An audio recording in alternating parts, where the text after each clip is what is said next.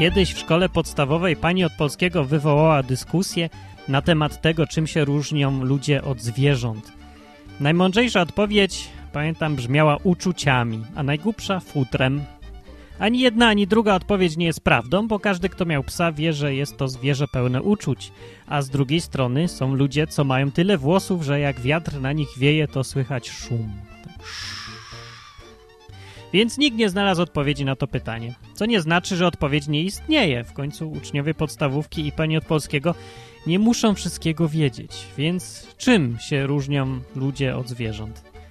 Otóż mam wrażenie, że niczym. Myślę, że kiedyś się różnili, ale i tak nieliczni. A dziś zwierzęta całkiem opanowały świat. Jedna różnica, istotna różnica między ludźmi a zwierzętami, jaką widzę, to świadoma, rozumna wola. Mają ją tylko ludzie. To zdolność do podejmowania świadomych decyzji.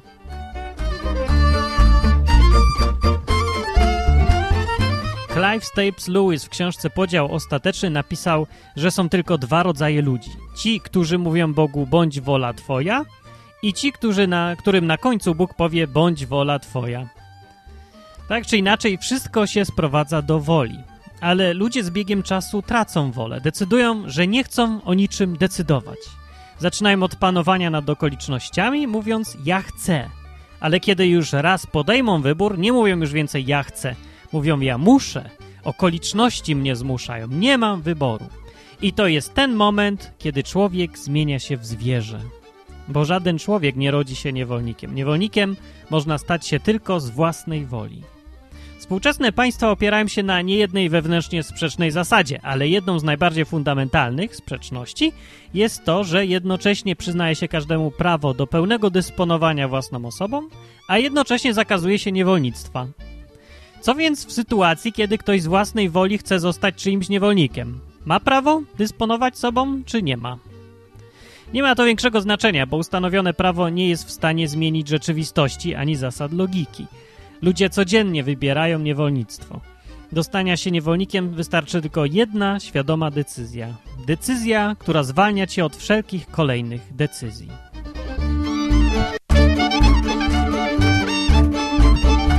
Możesz na przykład zostać niewolnikiem pracy. Podpisujesz umowę i to jest twoja ostatnia świadoma decyzja. A potem nie idziesz yy, każdego dnia do pracy, bo chcesz? Nie musisz już chcieć. Teraz już możesz musieć. Albo mieszkasz z mamą 40 lat. Czy dlatego, że chcesz? Nie, dlatego, że ona chce. Kiedyś musiałeś o sobie decydować, a teraz już nie musisz. Albo kiedyś szukałeś Boga, czytać książki, albo szukałeś kościoła. W końcu znalazłeś księdza, który ci wszystko powie. Będziesz wiedział co, kiedy i jak zrobić, żeby ci było dobrze. Żeby w ogóle było dobrze. Powie co myśleć i z kim rozmawiać i teraz masz w końcu spokój, bo nie musisz już więcej wybierać. Wystarczy, że będziesz posłuszny. Owszem, można zawsze zmienić pracę, wyprowadzić się od rodziców i zmienić kościół, ale nie chodzi przecież o to, czy to jest technicznie możliwe, czy nie. Chodzi o to, czy zachowałeś własną świadomą wolę, czy też zdecydowałeś się ją oddać. Bo to nietechniczne, fizyczne ograniczenia są powodem tego, że się nie zmieniamy, że nie robimy tego wszystkiego, co byśmy mogli, że możemy stać się naprawdę sobą. To brak woli. Wola jest wszystkim, co mamy. Kiedy nie masz woli działania, nic ci nie pomoże ruszyć z miejsca. Kiedy ją masz, żadne przeszkody nie są ważne.